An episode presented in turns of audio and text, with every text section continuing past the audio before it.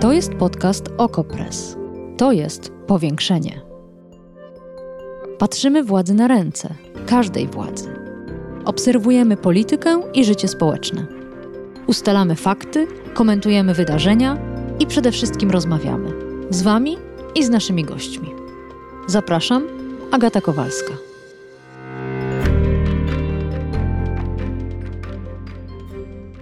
Kto wygrał te wybory? Kto je przegrał? A kto będzie rządził?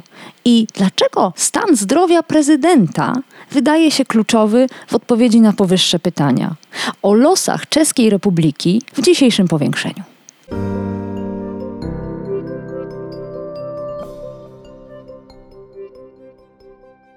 A moim gościem jest pan Aleksander Kaczorowski, pisarz, znawca Czech i redaktor naczelny pisma Aspen Review Central Europe. Dzień dobry.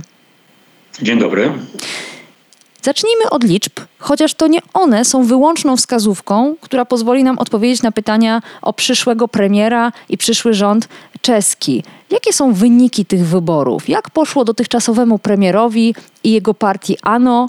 E, I czy to ona e, będzie kontynuowała swoją misję w Czechach? E, wyniki zakończyły się zwycięstwem centroprawicowej opozycji skupionej w dwóch koalicjach. Jedna z nich jest e, bardziej konserwatywna, e, nazywa się po czesku Spolu, czyli Razem po polsku. I w jej skład wchodzą trzy ugrupowania: Obywatelska Partia Demokratyczna, TOP 09 i Partia Ludowa. To są tradycyjne od wielu dekad obecne w czeskiej polityce ugrupowania. Miały swoich premierów, rządziły Czechami, to w dużej mierze politycy związanymi z tymi ugrupowaniami przeprowadzili Czechy przez transformację e, ku rynkowi wolnemu, ku demokracji parlamentarnej w latach 90. ubiegłego e, wieku. I to ugrupowanie, ta koalicja z Polu uzyskała ponad 27% głosów, co daje e, temu ugrupowaniu 71 posłów w 200-osobowym parlamencie. I dzięki temu oni wraz z drugą opozycyjną koalicją, taką bardziej liberalno-samorządową, tworzoną przez partię Piratów i burmistrzów czeskich miast, którzy uzyskali ponad 15% głosów i będą mieli 37 e, posłów e, w parlamencie, będą mogli utworzyć e, większość i tylko oni mogą utworzyć tę większość, mhm. ponieważ razem dysponują 108 mandatami w 200-osobowym parlamencie. Zagwozdka polega na tym, że to są koalicje, to znaczy jest to w sumie pięć ugrupowań. Natomiast tak. partią, która uzyskała najlepszy wynik wyborczy, jest niewątpliwie partia ANO urzędującego premiera Andrzeja e, Babisza, która dostała minimalnie słabszy wynik e, niż z polu, to znaczy 27% i 12 punktów procentowych po przecinku, ale będzie mieć więcej e, mandatów, będzie mieć 72 posłów. To wynika po prostu z ordynacji wyborczej. Ale to jest za mało, żeby cokolwiek w tym parlamencie zwojować. Dlaczego tak się stało? Stało się tak dlatego, ponieważ wbrew oczekiwaniom, E, Czesi przyzwyczaili nas do tego, że mają raczej rozdrobniony parlament. Zawsze tam było dużo ugrupowań, które minimalnie przekraczały próg, próg wyborczy. Natomiast w tej chwili, poza tymi trzema ugrupowaniami, które e, wymieniłem, w parlamencie znajdzie się tylko jeszcze jedna partia, takie nacjonalistyczne ugrupowanie Wolność i Demokracja Bezpośrednia, czeski odpowiednik e, Konfederacji, która dostała mniej głosów niż się spodziewano, bo niespełna 10% i będzie mieć 20 posłów, co oznacza, że tak naprawdę oni będą zmarginalizowani w tym przyszłym e, parlamencie. E, Babisz e, utrzymał swój stan posiadania, ale nie przeskoczył, nie przebił szklanego sufitu. To znaczy ma te swoje 27%, ma tych 72 posłów.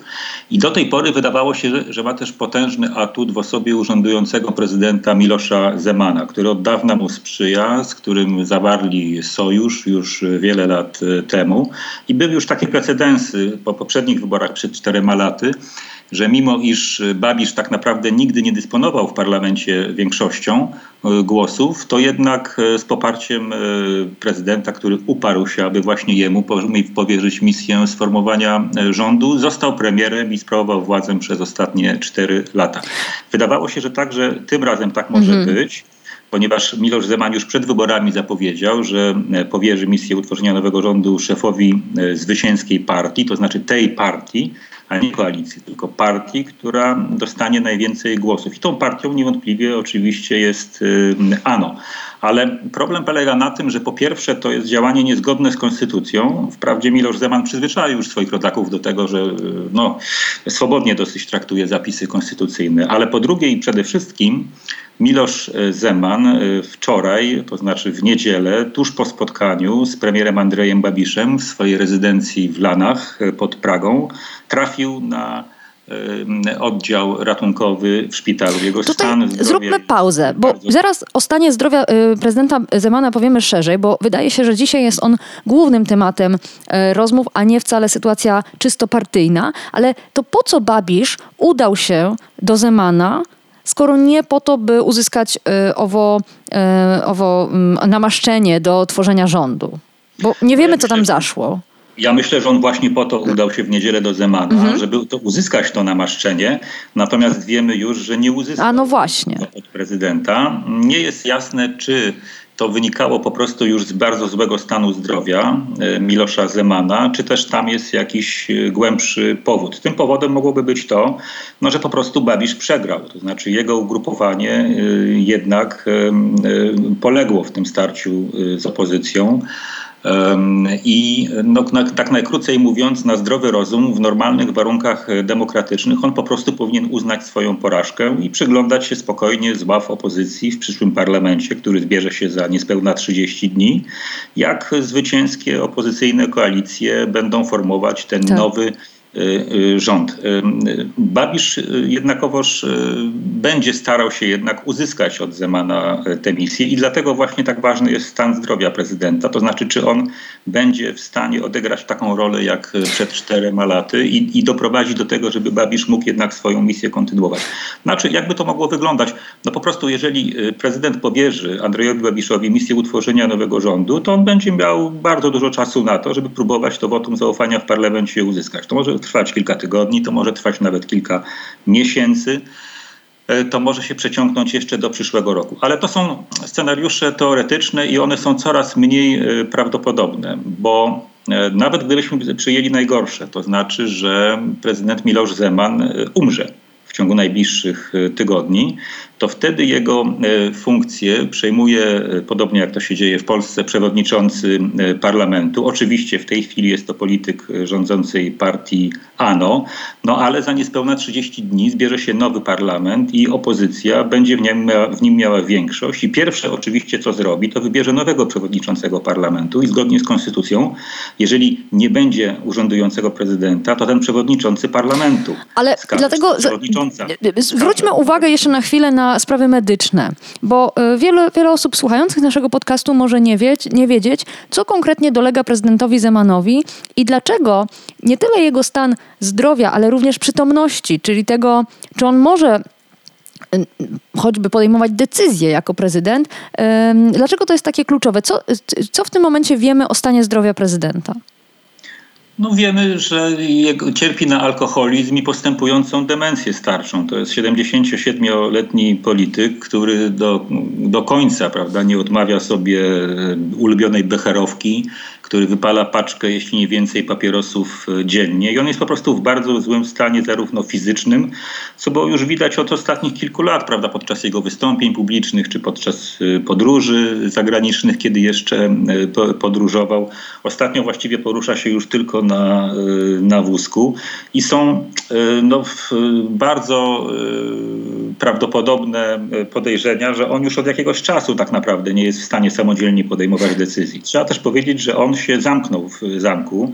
Ma do niego dostęp tylko kilku najbliższych jego współpracowników, którzy szczelną kurtynę informacyjną też wokół prezydenta zbudowali. To znaczy po prostu bardzo niewiele tak naprawdę informacji mhm. z Radu y, wycieka i niewiele wiadomo na tym, jak to faktycznie z tym. Y, ja o to pytam nie z ciekawości płytkiej, tylko dlatego, że wygląda na to, że to jedynie prezydent Zeman może podjąć decyzję, że jest niezdolny do pełnienia funkcji póki jeszcze zachowuje przytomność, czyli no, no jakby zapadł w śpiączkę, czy nie daj Boże umarł, no to wiadomo, że sytuacja jest klarowna, ale na ten moment to on sam najwyżej może sam, y, siebie odwołać, prawda? Tak, ale to jest tylko kwestia najbliższych 3-4 y, tygodni, ponieważ zgodnie z czeską konstytucją posłowie Izby Niższej Parlamentu, czyli naszego Sejmu, czeskiej Sniemowny i senatorowie mogą podjąć decyzję o odsunięciu prezydenta od e, władzy z powodu e, stanu zdrowia, który uniemożliwia mu pełnienie obowiązków. I do tego wystarczy zwykła większość, zarówno w Sejmie, jak i w Senacie. I w tym nowym Sejmie opozycja będzie miała taką większość, a w Senacie ona już ma taką większość. Czyli technicznie istnieje możliwość, że za miesiąc jedną z pierwszych y, decyzji y, parlamentu czy opozycji skupionej w Sejmie i w Senacie może być pozbawienie prezydenta Milosza mhm. Zemana y, uprawnień do wykonywania a jego. Czesi przyjmą to ze zrozumieniem, zaakceptują to, czy będą jednak głosy, a może nawet protesty o mm, po prostu nielegalnym zamachu stanu? Myślę, że mogą być protesty, trzeba się z tym liczyć, ponieważ e, trzeba wziąć pod uwagę, że e, progu 5% wyborczego nie przekroczyło kilka, minimalnie nie przekroczyło e, kilka ugrupowań, które w sumie zebrały głosy 15% wyborców. To jest 750 tysięcy ludzi. To jest cały elektorat lewicowy Partii Socjaldemokratycznej i Partii Komunistycznej. To jest także elektorat takich antysystemowych ruchów, jak na przykład Przysięga, byłego e, szefa Wydziału do Walki z Przestępczością Zorganizowaną Roberta e, Szlachty, czy takie skrajnie nacjonalistyczne ugrupowania typu, typu Tricolora. E, także Trzeba powiedzieć, że ten Sejm jest wyjątkowo prawicowy. Nie był nigdy wcześniej, nie mieli tak prawicowego e, parlamentu jak ten e, nowy. I on jest też no, w znacznym stopniu niereprezentatywny mhm. dla sympatii politycznych Czechów, ponieważ, e, jak mówię, 15% wyborców, prawie milion ludzi, nie ma w ogóle tam swoich przedstawicieli. I oczywiście ci ludzie cztery, kilka lat temu i, i 10 lat temu głosowali na Milosza Zemana, kiedy on kandydował na prezydenta. I mogą, y, mogą y, traktować ewentu, ewentualne ruchy przeciwko prezydentowi jako coś w rodzaju zamachu -hmm, stanu. Mm -hmm. To jest bardziej straszak, to znaczy prezydent Miloš Zeman, jeżeli w ogóle zachowuje jakby świadomość umysłu, to zdaje sobie sprawę z tego, że opozycja dysponuje, będzie dysponować takim narzędziem i to może być jakby argument dla niego, żeby jednak postąpił zgodnie z konstytucją i powierzył misję utworzenia nowego rządu liderowi opozycji, to znaczy szefowi koalicji Spolu i Obywatelskiej Partii Demokratycznej Petrowi Fiali. A no właśnie, to jeszcze powiedzmy o tej postaci. Cóż to byłby za premier? Co to za polityk? E, na ile podobny, a na ile zupełnie inny niż um, premier Babisz? To jest człowiek e, obecny już od 7-8 e, lat w czeskiej polityce, ale można powiedzieć, że wciąż jest nową twarzą. Z wykształcenia politolog, wykładowca akademicki, autor książek politologicznych, publikowanych zresztą także przed kilkoma laty w przekładach na język polski. On kilkanaście lat temu sprawował funkcję rektora Uniwersytetu Masaryka w Brnie, czyli no, można powiedzieć, że drugiej, być może najważniejszej e, uczelni w tym kraju. I mając po prostu jakby dobrą, e, dobrą e, opinię e, zawodową przed ośmioma laty, został ministrem edukacji w ówczesnym centroprawicowym rządzie Petra Neczasa. Kiedy rok później ten rząd upadł, Petr Neczas zrezygnował z przewodniczenia Obywatelskiej Partii Demokratycznej, Fiala wstąpił do tej partii, nie był wcześniej jej członkiem i wygrał wybory na przewodniczącego. I przez, przeprowadził ODS od klęski wyborczej przed 7-8 laty do triumfu, którego byliśmy świadkami e, w ostatnią e, sobotę. To jest konserwatysta, taki z krwi i kości, taki morawski konserwatysta. Brno w ogóle, stolica Moraw, e, czyli jakby historycznego kraju w ramach e, korony czeskiej, bo Czechy to, my tak mówimy Czechy, no ale Czechy to są Czechy, to są Morawy i to jest Śląsk, trzy historyczne krainy. One są różne pod różnymi względami. Morawy tradycyjnie są bardziej katolickie i są bardziej konserwatywne, no więc właśnie Fiala jest kimś, jest kimś takim. Jest konserwatystą, jest powiedziałbym e, umiarkowanie eurosceptyczny albo umiarkowanie prounijny. Jest na pewno zdecydowanie prozachodni jest y, wolnorynkowy. I przy tym wszystkim on jednak udowodnił przez te ostatnie kilka lat, że rzeczywiście chce uczciwej, rzetelnej centroprawicy w Czechach. Bo trzeba powiedzieć, że ta czeska centroprawica, a zwłaszcza Obywatelska Partia Demokratyczna, założona przed 30 laty przez byłego premiera, później prezydenta Wacława Klausa, no, rozmaite miała przypadki na swojej drodze, mnóstwo afer korupcyjnych. Właściwie każdy rząd, który sprawowali, e, upadał e, w otoczce czy w atmosferze korupcyjnych skandali. I on postawił sobie przed kilkoma laty za cel, żeby sprowadzić Obywatelską Partię Demokratyczną i Czeską Centroprawicę w ogóle na taki, jakby przywrócić ją do korzeni, do głównego nurtu konserwatyzmu. Taki, który nie jest skojarzony z aferami, tylko raczej z wartościami, które można podzielać albo nie, ale przynajmniej wiadomo na czym się e, stoi, prawda? Więc jest to patriotyzm, jest to rodzina, jest to, jest to e, wolny rynek, jest to, jest, to, jest to demokracja. Więc to jest taki polityk tego typu. Ja nie chciałbym go porównywać z żadnym polskim politykiem, bo no myślę, że byłoby to bardzo ryzykowne, poza tym czas pokaże, jakim faktycznie będzie e, premierem, jeśli tę e, funkcję obejrzeć. Ale chciałbym zwrócić uwagę na dwie sprawy. Znaczy, po pierwsze, Obywatelska Partia Demokratyczna w Parlamencie Europejskim współtworzy jeden klub, czy też grupę parlamentarną z Prawem i Sprawiedliwością. To jest grupa Europejscy Konserwatyści i Reformatorzy. I z tego wynika, że ODS wśród partii czeskich prawdopodobnie jest tą, która ma najlepsze kontakty nie tylko z Prawem i Sprawiedliwością, ale, ale czy Zjednoczoną Prawicą, ale w ogóle z, z, polskimi, z polskim y, życiem politycznym, co może się okazać ważne z rozmaitych y, względów. Po drugie jednak chciałbym podkreślić, że Fiala i ODS dziś a on tam w tej chwili e, decyduje o wszystkim, jest inną partią niż ODS był 10 lat temu, jest z pewnością inną partią niż Prawo i Sprawiedliwość. To znaczy jest to ugrupowanie, które jak sądzę nie będzie chciało iść na skróty i nie będzie chciało zmarnować tego potencjału, który ma w tej chwili, tego ogromnego kredytu zaufania.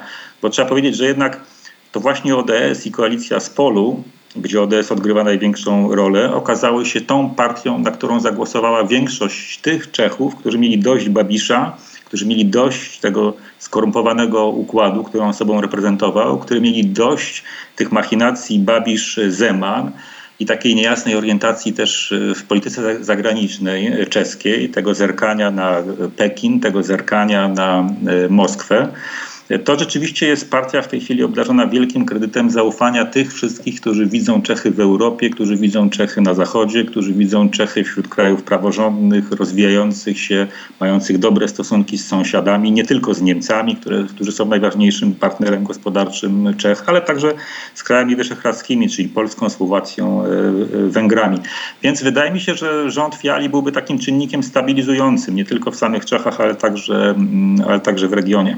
Ale nie powiedział Pan o kluczowej kwestii. Oczywiście mówię to z uśmiechem. Jaki jest stosunek przyszłego premiera do sporu o Turów? Na ile to był klucz jego kampanii?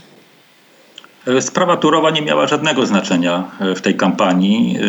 Są nawet takie badania już w tej chwili, z których to wynika. E, nie, nie, podnoszona była przez kandydatów. No ona jest ważna dla nas, ona nie jest ważna dla Czechów, z wyjątkiem oczywiście tych mieszkańców pogranicznych miejscowości, których ona bezpośrednio e, dotyczy. Tak naprawdę nie wiadomo. Muszę powiedzieć, że ja mam e, sprzeczne, dostaję sprzeczne sygnały od moich czeskich przyjaciół czy znajomych, których o to pytam bo wiem, że mogą coś na ten temat wiedzieć. To znaczy, z jednej strony pojawiają się opinie, że Fiala i ODS będzie starał się ten problem załatwić y, bilateralnie, że będzie starał, może starać się załatwić ten problem bez angażowania instytucji unijnych, choćby takich jak, takich jak Trybunał Sprawiedliwości Unii y, Europejskiej i że może nawet potraktować sprawę Turowa jako taką okazję do zadzierzgnięcia ściślejszej współpracy czesko-polskiej czy regionalnej, nie tylko w ramach Wyszehradu, ale także w ramach e, Trójmorza, na który to projekt y, akurat politycy ODS-u y, zerkają, spoglądają y, przychylnie. Że krótko mówiąc, dla niego może to być, ten Turów może być okazją do nowego otwarcia w sprawach, w stosunkach polsko-czeskich, na których im zależy i że załatwienie tej sprawy w taki sposób, który zadowoli i Czechów, i Polaków, to znaczy rząd Prawa i Sprawiedliwości, a jednocześnie do, odbędzie się bez angażowania instytucji unijnych, jest możliwy. Z drugiej strony słyszę też takie opinie ludzi, których y, wiarygodności nie mogę podważyć, że jeżeli na to liczy strona polska, to się przeliczy. Prawdę mówiąc, to co wiemy na pewno, to jest to, że w ciągu najbliższych tygodni no, nikt raczej nie będzie w Czechach się tą sprawą specjalnie zajmował, bo w w tej chwili Czesi no, muszą uniknąć kryzysu konstytucyjnego, muszą wyłonić ten, ten nowy rząd. Tym oczywiście są w tej chwili najbardziej zainteresowani. Tak naprawdę nie wiadomo jeszcze, jaki będzie podział stanowisk w tym nowym gabinecie. To, co jest istotne i to jest okoliczność sprzyjająca dla Warszawy, to jest niewątpliwie to, że dramatyczną porażkę w ramach koalicji piratów i samorządowców ponieśli piraci, czyli taka najbardziej progresywna, proekologiczna partia czeska, ponieważ oni z 18 posłów, którym, których mają w tym obecnym parlamencie, w tym nowym będą mieli zaledwie cztery. Wiele się na ten wynik fatalny przyczyn złożyło, ale faktem jest, że oni będą w tym nowym parlamencie zupełnie zmarginalizowani. Dostaną, chcą dwa, prawdopodobnie dostaną tylko jedno ministerstwo i raczej nie będzie to Ministerstwo Środowiska, w związku z czym ich głos będzie kompletnie zmarginalizowany w tym sporze polsko-czeskim. Mhm o Turów. Jak mówię, to jest dobra wiadomość dla PiSu. W ogóle, no jeżeli ktoś, ja dopuszczam taką możliwość, że tak naprawdę mm, ci polscy negocjatorzy wyszli z założenia, że z Babiszem się nie dogadają, że nie mogą się w sprawie Turowa dogadać jakby w, w ramach unijnych, tak mówiąc w skrócie, i że po prostu trzeba zerwać te rozmowy i poczekać, a nuż się uda i jednak ten Petr Fiala, prawda, zostanie premierem. No jeżeli na to stawiali, no to trzeba powiedzieć, że trafili w dziesiątkę. Aleksander Kaczorowski, redaktor naczelny pisma Aspen Review Central Europe, pisarz, znawca Czech. Bardzo serdecznie dziękuję za to spotkanie. Ja dziękuję bardzo. Powiększenie. Podcast Okopres. Prowadzenie Agata Kowalska. Podcast znajdziesz na stronie Okopres i w Twojej ulubionej aplikacji do podcastów.